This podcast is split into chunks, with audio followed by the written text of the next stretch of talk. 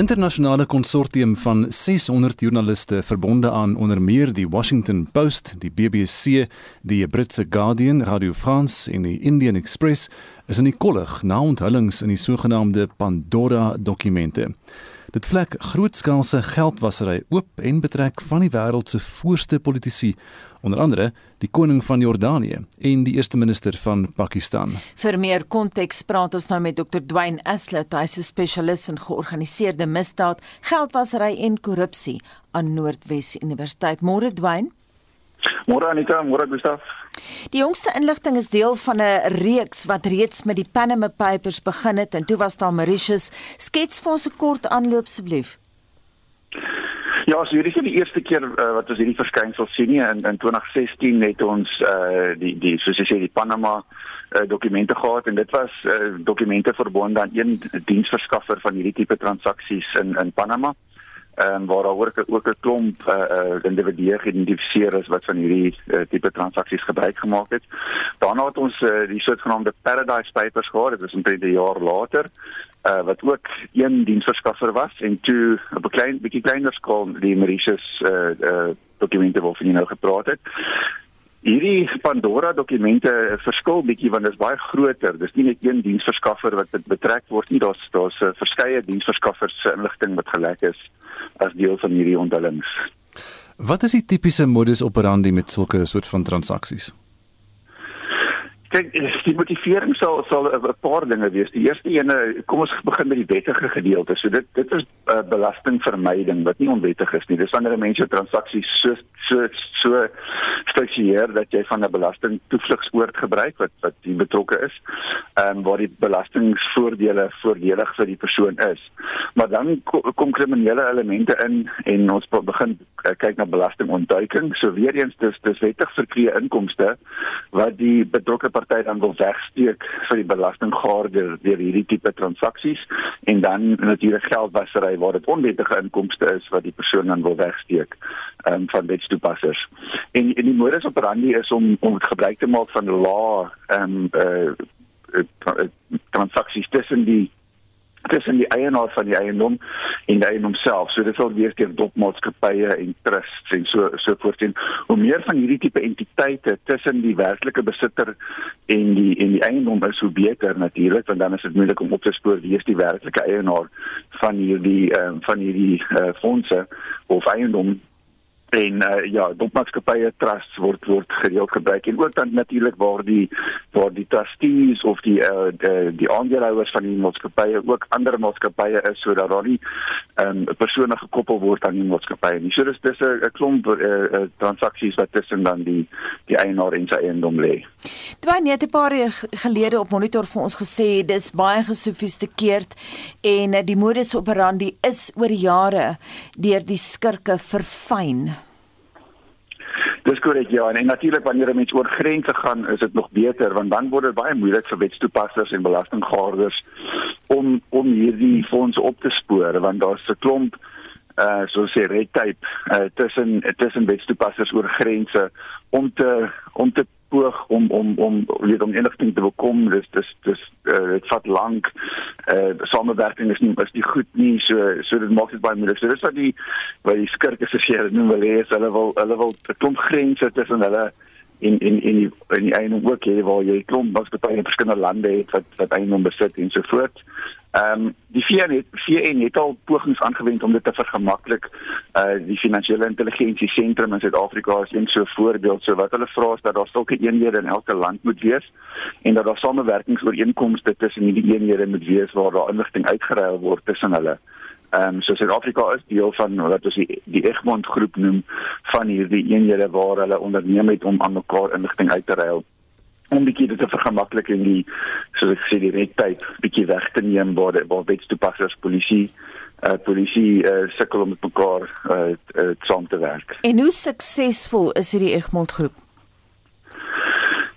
Dit is moeilik om te sê want want jy weet daar's konfidensialiteit betrokke in die uitruil van inligting. Ek dink dit gaan afhang van die diplomatiek daar's maar nog steeds diplomatieke bande betrokke en so voort. So sekere lande sal beter saamwerk met ander. Ehm um, maar jy weet dis moeilik om te sê hoe suksesvol dit is want geldwasery en belasting um, ontwy, ontduiking is geheimsinnig van aard. So mens gaan nooit regtig kan kan meet hoe suksesvol is is hierdie ehm um, hierdie stappe nie, maar dit is daarom beter as om niks te doen nie. Dit is om terug te sit en sê wel dis moeilik om hierdie te bekamp. So kom ons doen dan om niks nie. Jy weet ten minste maak mense dit moeiliker vir hierdie tipe transaksies. En natuurlik, jy weet wanneer hierdie tipe goed uitkom, dis dis reputasionele skade vir die die betrokke partye ehm um, jy weet waar die inligting dan wel gelek word en mense uh, het so so 'n bietjie van 'n venster in hierdie wêreld in. Waar lê die grootste skuiwergate in internasionale wetgewing hieroor? En en wat is soort van geld praat ons van is dit kontant ons doen ons nou baie gehoor van die eiendomme van van die koning van Jordanië. Ja nee nee dis dis definitief nie net kontant nie. So die die skuiwergate lê maar juis in die in die ek, wanneer iemand so 'n transaksie opstel is daar twee dinge. Dis dis belasting um, vermyding of belastingontduiking as dit onwettig is so ek wil nie belasting betaal op op hierdie fondse nie. En dan die, die ander groot belangrike uh, deel van die transaksie is dan moet geheimhouding wetgewing wees. So baie van hierdie belasting toevlugsoorde het geheimhouding wetgewing. So dis baie moeilik vir wetstoepassers om inligting jy kan dit kry maar uh, daar's 'n klomp hoepels om weer te spring hmm. voor die inligting bekry kan word deur deur wetstoepassers. So en dan word geografie natuurlik belangrik. Soos jy sê dis nie net fondse wat in 'n rekening lê nie, daar's dalk um, dierskilderye, wyne, enigiets wat wat versamelbaar is en wat waarde het. Ehm um, uh, klassieke motors ensovoorts. So dan word geografie belangrik want jy weet uh, die die skurk wil nog steeds sy sy eiendom geniet. So so jy wil nie ver van hom af hê nie. So die, die keuse van waar dit gaan wees sal dan afhang van jy dis die geografiese keuse dan waar waar wil ek my goed hê en en is dit vir my maklik om om daar uit te kom en en uh, is uh, kan ek by my kan ek my goed gaan geniet met my klassieke motors en my skilderye ensovoorts. As jy pas by monitor aangesluit het, ons praat oor die sogenaamde Pandora dokumente met Dr. Dwayne Aslet, hy's 'n spesialis in geldwasery aan Noordwes Universiteit. Jy praat nou geografies Dwayne. Vroeger was plekke soos die Cayman Eilandgroep, Isle of Man natuurlik, Liechtenstein, Panama Die ja. was alles baie gewilde belasting toevlugsoorde. Maar ja. volgens die jongste verslag vir my baie interessant. Geld word nou versteek en gewas in Amerikaanse deelstate soos South Dakota en Nevada. Ja. Hoekom daai verskuiwing? dis dis moeilik om te sê en en, en ek dink dit sal die, die eerste twee elemente bepaal word jy weet hoe hoe lyk die belastingvoordele van van die betrokke land en ook die geheimhoudingswetgewing jy weet is, is ek beskerm daarso en gaan ek nie gaan ek nie maklik ontbloot word nie. Natuurlik ook sekuriteit. Ehm um, die wou nie daarvan dat diewe by hulle steel nie. So uh, jy weet ek wil seker weer wees dat my skilderye en my motors is veilig uh, waar ook uh, waar hulle ook al ge, geberg word. Ehm um, en en dan jy weet dis maar bespiegeling maar ek sou dink dat dat jy weet die skuwe gaan maar oor daai gemaklikheid van van toegang en dat dit naby die persoon wie die betrokke persoon moet wees om om weet gesê te kan die die die baat is nog steeds geniet en dit in, in gebruik maak daarvan in die nodig. Wat sou jy sê is is dit is dit van 'n eiland? Is dit is dit is seker nie net geografies nie wat dit dit afgesonder is nie. Maar weet daar dan nader aan 'n klein landjie is met min beheermaatreëls?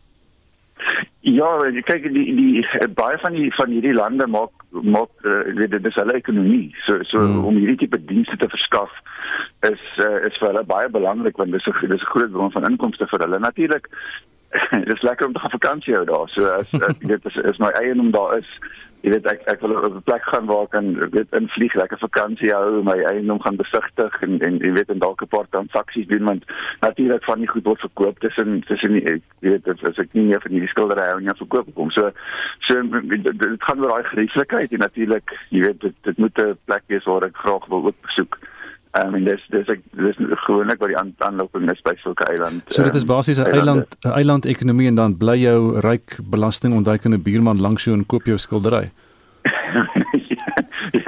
ja, iets in daai aard ja.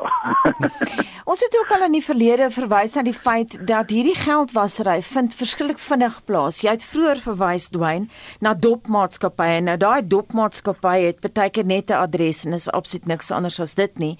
Maar geld kan verskriklik vinnig binne 24 48 uur kan dit van maatskappy na maatskappy spring.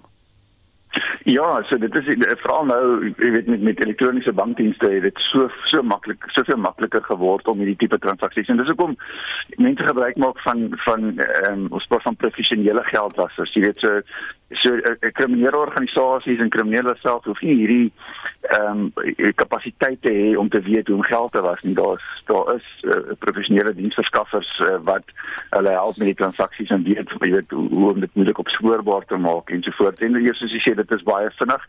Jy kan in 'n 'n eiland soos Anguilla kan jy binne 24 uur aanlyn uh, 'n uh, maatskappy oprig.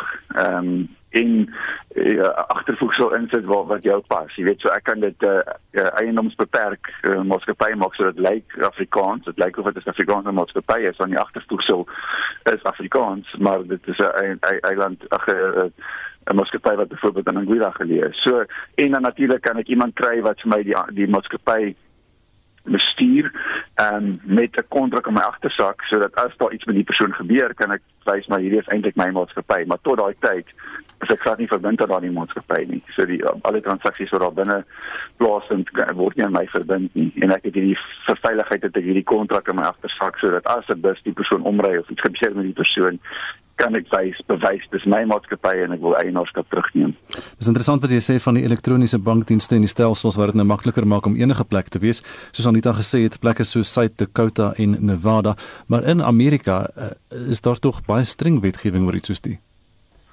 Ja, dit is dis dis dis verrassend ehm um, dat eh uh, dat mense daai daai plekke sou kies want die die Amerikaners is een van die lande wat wat internasionaal hierdie hierdie tipe bekampings uh, uh, inisiatiewe dryf juis om dit te keer. So dis dis baie braaf om om om in 'n agterplaas te gaan speel, maar weer eens dit dit gaan dit gaan heel moontlik en is maar blote spiegeling aan my kant, heel moontlik oor die gerieflikheid daarvan om dit daar te hê en natuurlik die voordele lyk dieselfde. So hoekom moet ek dit baie ver hê as ek dit naby kan hê of weer eens, jy weet Amerika 'n lekker plek om te gaan kuier, so ek wil my my goed daar wegsteek as ek in 'n in 'n derde wêreld land is en dan kan ek uh, weet daar gaan reis en gaan vakansie en goed is daar. Vir my baie interessant die Britse tentakels. Jy het net twee keer verwys na Anguilla, dis in die Karibiese Karibiese eiland en natuurlik ons het ook gepraat oor die Cayman Eiland groep wat nou al vir baie jare 'n ja. baie bekende belastingtoevlugsoord is, maar dan staan ook Isle of Man. Daar's my baie Britse koneksies daarso. Britse Britse Maagde Eilande, ja, nee, ja. daar is en En as mens kyk na hierdie Pandora dokumente, blyk dit dat daar redelik baie Britse ehm um, betrokkenheid is met Britse diensverskaffers wat wat help om om die transaksies op op te stel ensovoorts. En natuurlik is vir hulle nou baie groot reputasionele skade. So mens gaan vind dat hulle kliënte begin verloor want jy weet die die, die vertroue in, in hulle sal nou verlore wees. En dis wat met die Panama eh, papier daai dokumente daar het gebeur het. Dis dat daar betrokke diensverskaffer kliënte begin verloor want natuurlik uh, dit dit is die dis ontbloot en ek ek um, ek wil dit nie hê nie so ek ek skuif my besigheid na anders toe. So dit lyk of daar baie Britse um, diensverskaffers betrokke is as mens so die die artikels lees van die joernaliste. Hoe fyn is die lyn tussen wettig en onwettig? Want ons ons as gewone Suid-Afrikaanse um, kliënte van 'n batebestuursfirma of so aan, hulle sal vir jou sê hulle kan jou geld uh, oor see belê en dan sal jy sien daai maatskappy is in Jersey of in Guernsey of van daai klein eilandjies naby Brittanje. Maar dit is tog wettig presies dit ja. So dit is dis die fyn lyn tussen belastingvermyding wat wat wettig is en en en en uh, en aan belastingontduiking. En dit word deur wetgewing bepaal. So en en natuurlik in, so, in ons geval soos jy praat van van van plaaslik sal SARS en natuurlik aandui wat is wettig en wat is nie wettig. Presies so ehm um, so en en dit is waarvoor hierdie tipe transaksies geskep is. As jy is daai jy weet daai wettige gedeelte van die belasting en um, en vermyding en en en en jou sake so struktureer dat jy die minste moontlike moontlike belasting kan betaal. En en jy weet daar is diensverskaffers wat dit vir mense doen en sê jy weet as jy as jy die geld so wil hê dan betaal jy die minste belasting wat natuurlik heeltemal wettig is. Dwayne, jy was nou voor jou akademiese lewe 'n staatsaanklaer, jy weet hoe die howe werk. Hoe moeilik is dit om so 'n saak te vervolg, 'n saak met soveel tentakels, want jou inligting moet bruikbaar wees. En uh, ja. dis moeilik nê nee, om daai inligting in te samel op 'n wettige manier. Wel, in die eerste wel uh, ons, ons kan net maar net kyk na ons eie voorbeeld, jy weet, as ons kyk na die staatskaping en en en jy weet die die, die hoe moeilik dit is om inligting uit Dubai te kry. Ehm um, en hoe lank dit nou al neem. So die die het, die probleem met wanneer dit oor grense gaan is dat wetstoepassers uh, so ander bietjie afgekap word want jy weet dit hulle jurisdiksie is net binne die land se grense. En dan natuurlik, jy weet iets soos hierdie waar die waar die inligting gelek is, eh, jy weet dis baie baie lekker vir vir joernaliste en en vir mense sensasionele stories, maar die bewysmateriaal is is dan onbruikbaar want die een die een vereiste of twee twee vereistes is dat jy oorspronklikheid en egtheid van 'n dokument moet bewys en selfs al is dit elektroniese dokument ehm um, maak die maak die wet op elektroniese kommunikasie en transaksies voorsiening vir sekere oorspronklikheid en egtheid wat bewys moet word met elektroniese dokumente. En mens kan dit nie doen as die inligting as jy nie weet waar kom die inligting vandaan nie uh, jy weet hoe dit bekom? Ehm um, so so die vervolging is baie moeilik dit is baie kompleks die saak vat baie lank. So gewoonlik wil mense probeer om om om 'n pleitonderhandeling te kry waar waar mens tyd spaar en en en albei partye en tevrede of nie tevrede is nie maar maar jy weet dat een een van die skikking is want die die, die vervolging van sekere tipe sake vat baie baie lank. Hoe goed is die ondersoek ook daarvan? Ja. ja, en hoe goed is daardie owerhede in Suid-Afrika byvoorbeeld uh, nasionale vervolgingsgesag, uh, inkomstediens en so aan om hierdie soort van ding te bekamp? Want die eerste ding wat ons natuurlik gedoen het gister toe dit nou bekend raak is om te gaan soek vir die Suid-Afrikaanse name en ons kon hulle nie kry nie. ja, ja, ek ek dink ek dink dit is omdat jy weet daar's net sekere pers mense wat hierdie um, inligting aan aan gegee is en, en ek weet nie of hulle jy sou fokus op, op Suid-Afrika sal hê om te soek na wie wie die betok en ek dink daar's nog steeds dis dis 'n dis 'n magt om inligting om die te sit mm. so jy weet daar kan nog steeds dalk name opkyk. Ehm um, wat wat plaaslik betref uh, ons ons wag nou jy weet hy, hy gaan binnekort uh, moes al eintlik uitgewees het die verslag van die van die Financial Action Task Force so genoem word as die VN se entiteit wat juis gestig is om geldwasse en soos te bekamp. Hulle het ons so net voor Covid kom evalueer en uh, en die evaluasieverslag was nou vertraag deur Covid maar hy moes hy sou Vrydag gepubliseer geword het. Um, ek het nou nie gesien of hy het nie maar hy kan dalk hierdie week dan as hy nog nie gepubliseer is nie.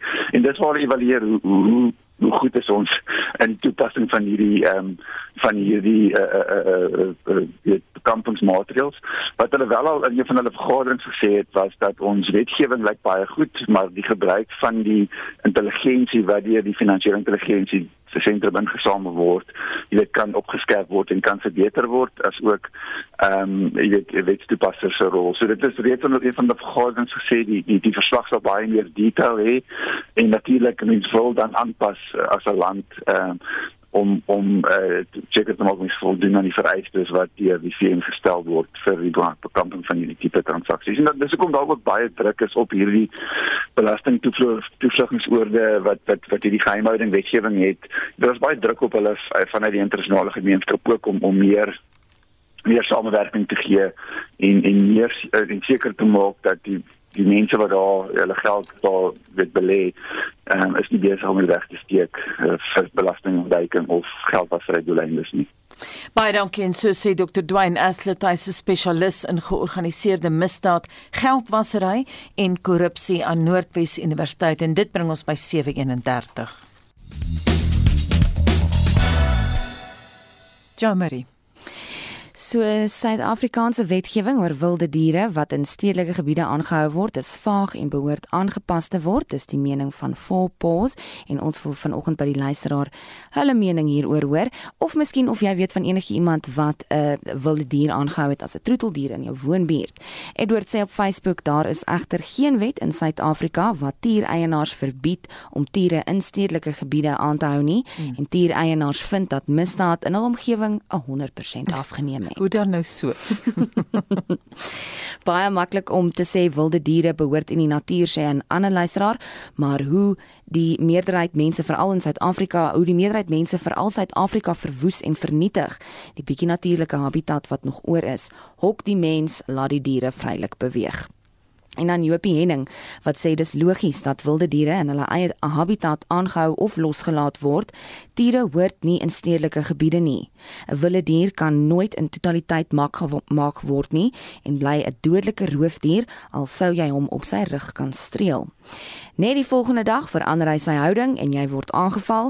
Iemand kan nog een van daai diere se middagete word. Die natuur en sy dierrasies bly onderskatte. So sê Jopie van Vryheid. Laat weet ons vir oulaas hoe jy voel hieroor, praat saam. Jy kan 'n SMS stuur 54889 teen R1.50 per SMS. Jy kan jou mening ook deel op ons Facebookblad. Die vraag is daar geplaas en dan natuurlik 'n stemnota op WhatsApp. Die nommer is 076 536 6961.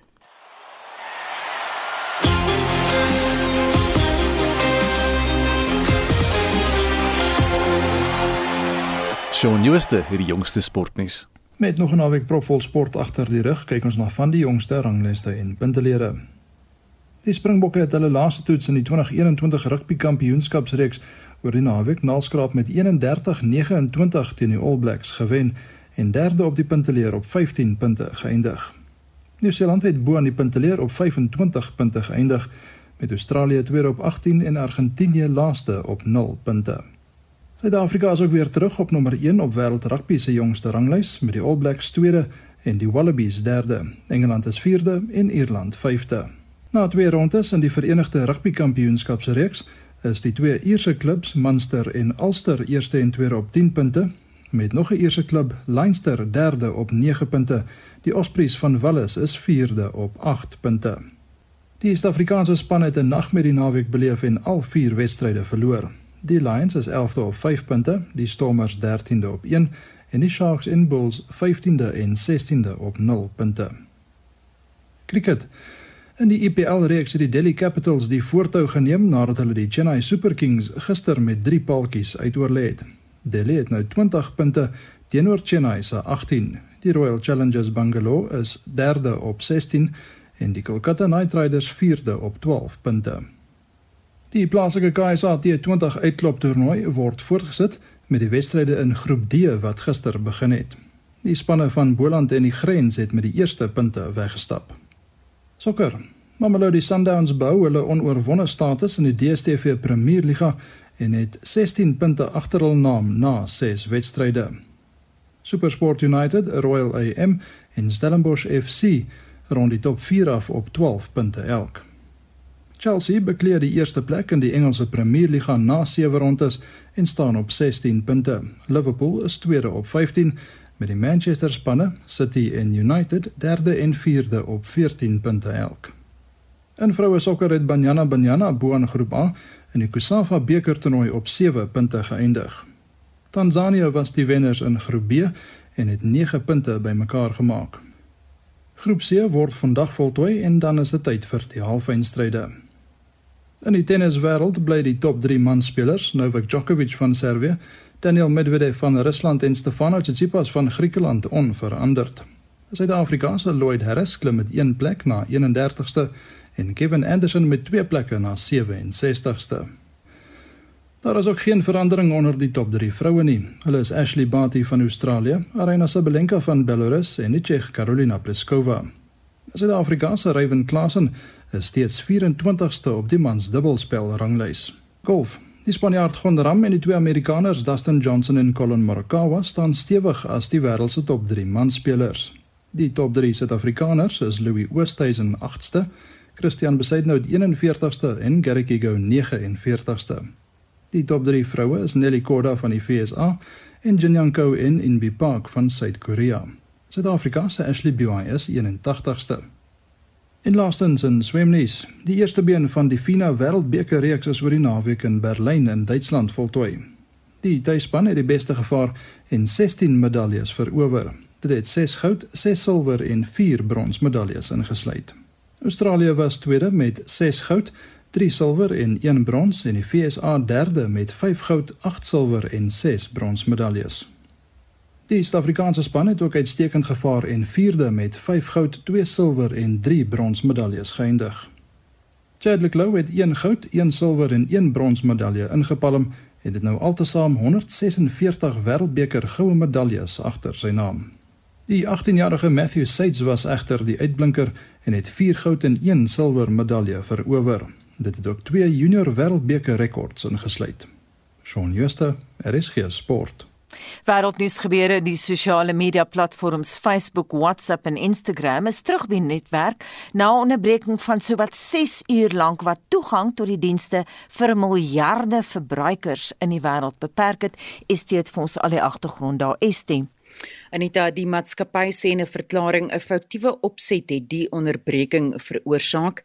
Aandele in die maatskappy het met sowat 5% op die New Yorkse aandelebeurs gedaal.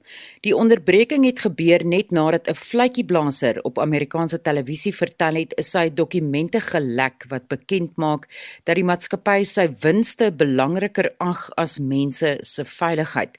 Sy getuig later vandag voor 'n subkomitee van die Amerikaanse Senaat.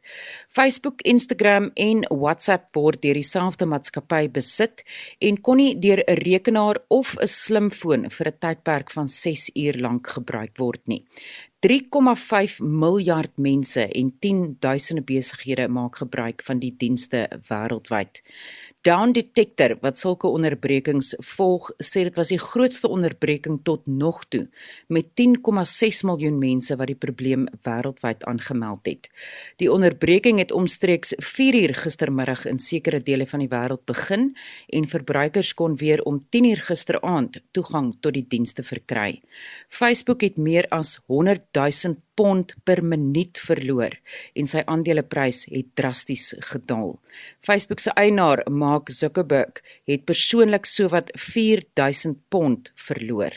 Die uitvoerende adjunkpresident van 'n kuberruimtemaatskappy Proofpoint, Ryan Callenber, probeer sin maak van wat fout gegaan het. As much as we all depend on the internet, we're occasionally given reminders that what the internet is built on is decades old. And there's a quite straightforward system called BGP, or Border Gateway Protocol, that really tells everyone else on the internet where to find you. And Facebook appears to have made a mistake there that they couldn't recover from very quickly. En dis die stem van Ryan Callenber, die uitvoerende adjunkpresident van die kuberruimtemaatskappy Proofpoint. En nou verskuif ons die fokus na Haiti waar duisende immigrante na die eiland teruggekeer het nadat hulle deur die FSA gedeporteer is. Talle van die immigrante het jare lank in Suid-Amerika geleef en was jare laas in Haiti. Hier is 'n immigrante beampte by een van die lughawens. This is a record day. We expect flights all day coming in until this evening. They're arriving here with nothing. They lost their ties with their families here, most of them. They don't know where to go. Die deportasie van immigrante het by die grens van die FSA en Mexiko begin, maar daar is nog duisende boerlinge van Haiti wat in Kolombie, Panama en ander gebiede in Suid-Amerika vasgekeer is. Sover is meer as 6000 immigrante reeds teruggestuur. Die Biden-administrasie gebruik 'n Trump-era beleidsdokument genaamd Titel 42 om onmiddellik migrante te deporteer wat by die FSA se grens aankom en gebruik die koronaviruspandemie as rede dat hulle nie die land kan binnegaan nie. En nou na nuus uit Hollywood waar kameramanne en vroue grimeerkunstenaars en ander wat agter die skerms werk ingestem het om te staak as hulle vakbond nie 'n ooreenkoms kan bereik nie en die ooreenkoms moet bereik word met vervaardigers van 'n nuwe projek waaraan al die werknemers werk en dit sal die eerste staking in die vakbond se 120 jarige bestaan in die bedryf wees. En dit was Essie de Klerk met 'n oorsig van vandag se internasionale nuusgebeure. Die Cape Independence Advocacy Groep is verheug nadat die DA sy steun toegesê het aan 'n referendum oor die Wes-Kaapse onafhanklikheid. Die groep het nou in totaal 8 partye wat 'n referendum sou steun, Annelien Moses berig. Die woordvoerder van die Cape Independence Advocacy Groep, Phil Craig, sê alhoewel die DA nie afstigting as sulk steun nie, is hulle teen gunste van 'n referendum waar tydens burgers self kan besluit. They support the devolution of powers, and increasingly they want more and more powers devolved. But our understanding is that they still would prefer to uh, save all of South Africa, and they think that's possible. So at this point in time, our understanding of their position is that they are opposed to Cape independence. There was eight parties that felt that way. The eight parties that indicated to us that they were now willing to support a referendum on Cape independence were the DA, the Freedom Front, the African Christian Democratic Party, COPE, the United Independent Movement, the Cape Independent, the Cape Coloured Congress and the Kruger Ontwikkeling Party. Kryk sê 'n referendum is 'n raadpleging met die inwoners van die provinsie om vas te stel of hulle wil afstyg of nie. Die uitslag sal nie bindend wees nie, maar dit sal die Wes-Kaapse regering 'n mandaat gee om met die nasionale regering te begin onderhandel. Kryk verduidelik hoeveel steun hulle het. When we polled in July, 58% of the Western Cape voters wanted a referendum on Cape independence, and 46.2% said they supported Cape independence. So at this point, a clear majority want a referendum, and we're slightly short of a majority in support, but obviously we're extremely close.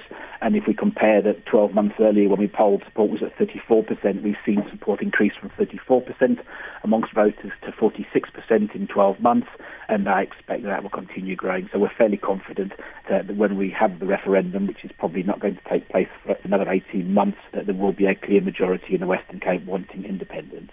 Hy sê die beweegrede vir hierdie stap is om die demokrasie te verstewig en die Wes-Kaap 'n regering te gee wat hy verdien. For almost 3 decades, most Western Cape voters have not had the government that they voted for, and they have no reasonable prospect of ever getting the government they vote for.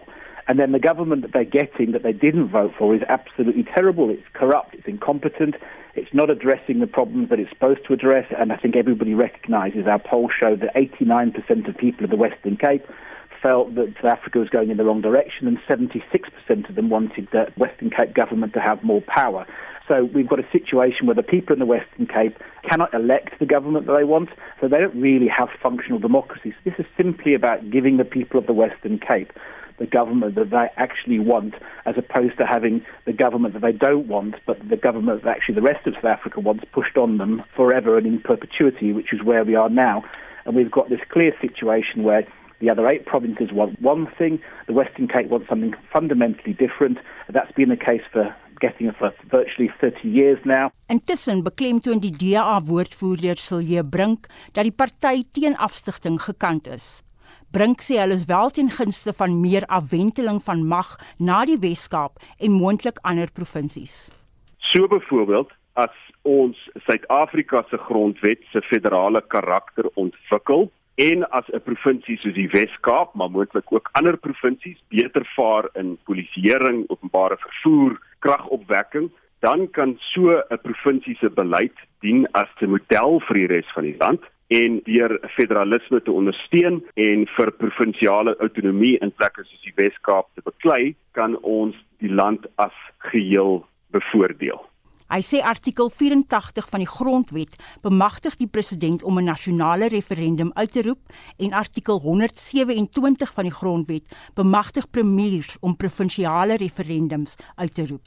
Soos wat dit tans staan, is daar nie wetgewing wat effek gee aan die magte van premiers om provinsiale referendums uit te roep nie. Die referendum wet soos wat hy tans staan moet dus verander word om dit in lyn te bring met die grondwet. En dis hoekom die DA deur ons hoofsweep Natasha Matsone 'n private lede wetsontwerp in die parlement ter tafel lê om die wet te verander sodat provinsiale premiers wel 'n referendum kan afkondig.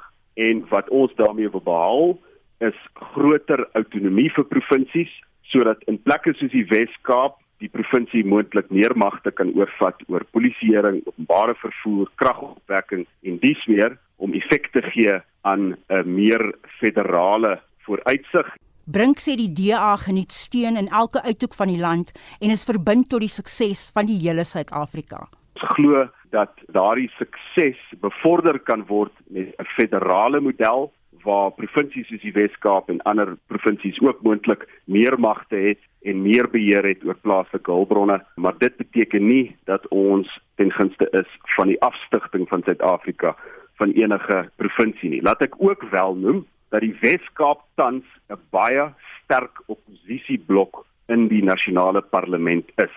Vat jy byvoorbeeld die DA se 30 of wat Wes-Kaap se LPs uit die nasionale parlement, dan sit die ANC met 'n 2/3 meerderheid en ek dink dit is iets wat mense in die res van Suid-Afrika glad nie wil hê nie en dit sal die mense van die Wes-Kaap wat ook al die politiek rondom die afstigtingsbeweging, dit is nie iets wat inwoners van die Wes-Kaap sal bevoordeel nie. Dit was die DA woordvoerder Silje Brink.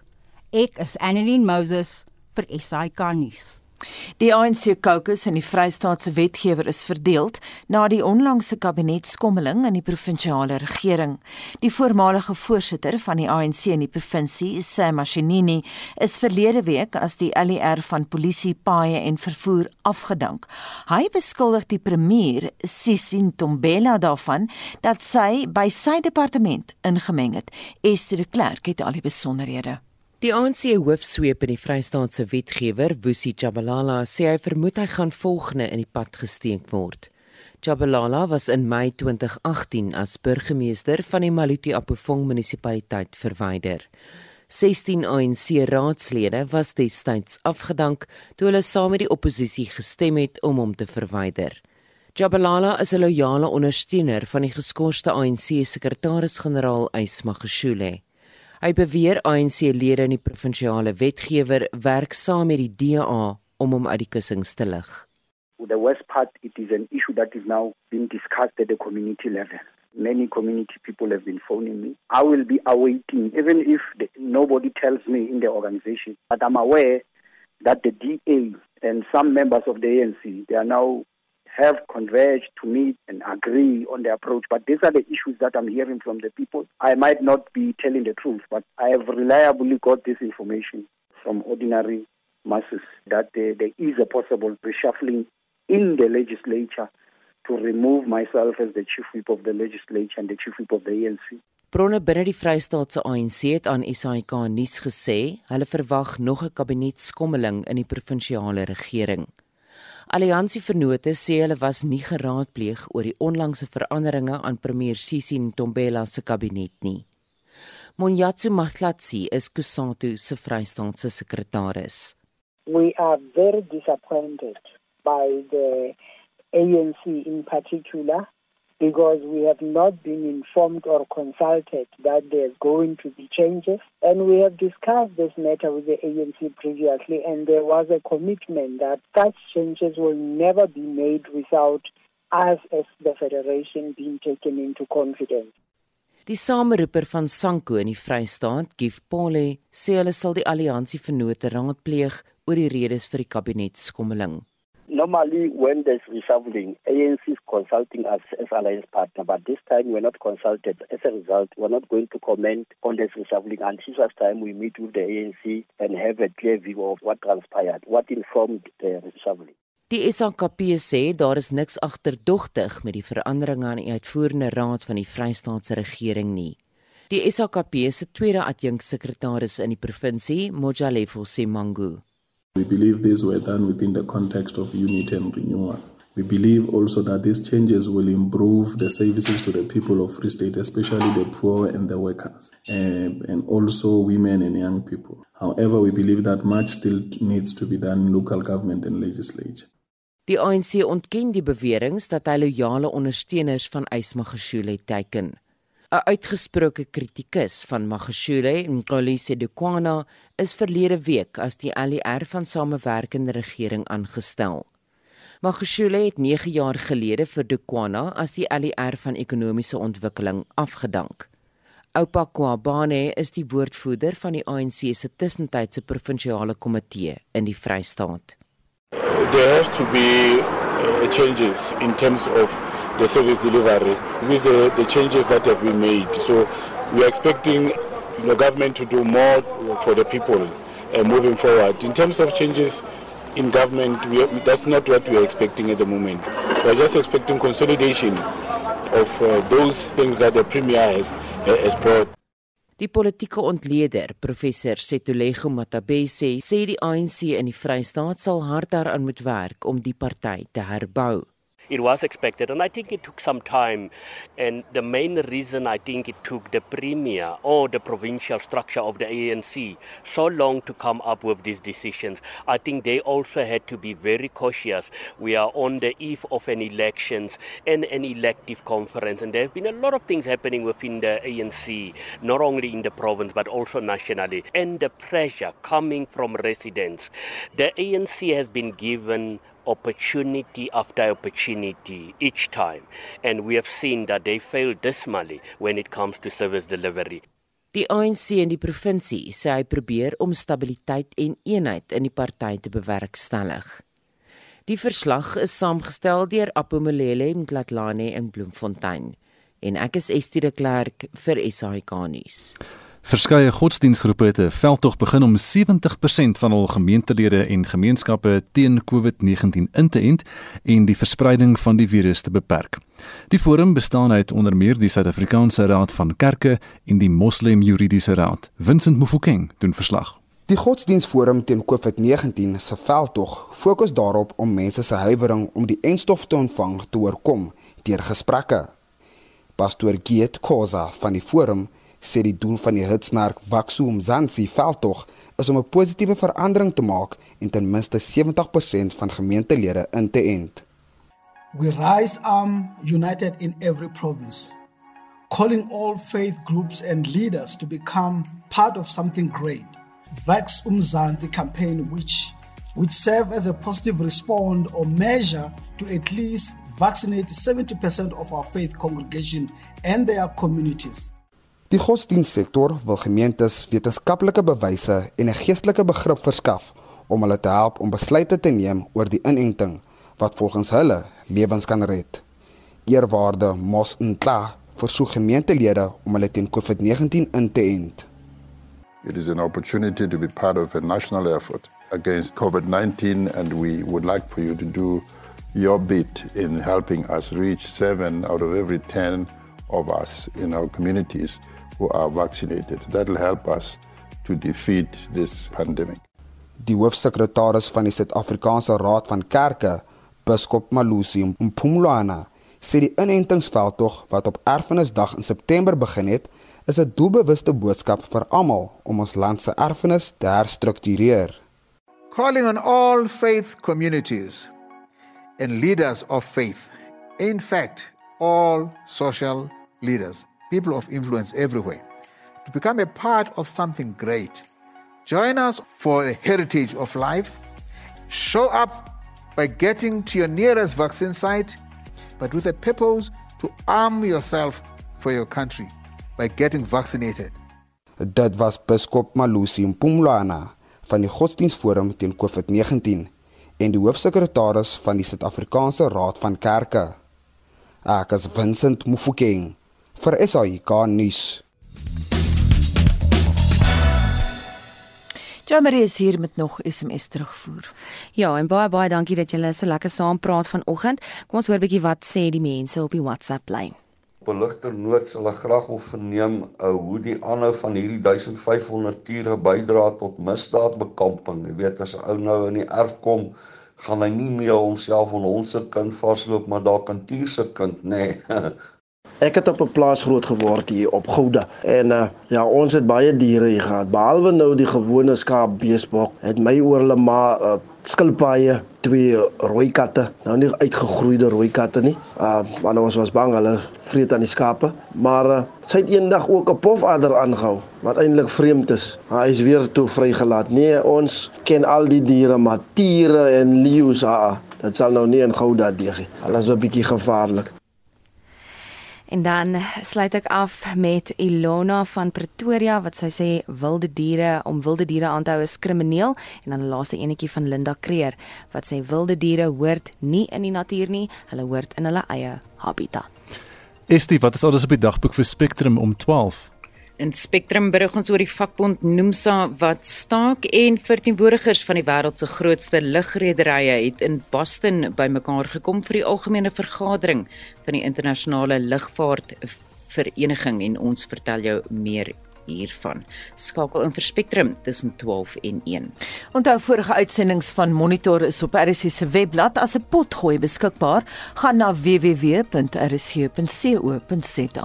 Ons groet namens ons uitvoerende regisseur Nicoline de Wee.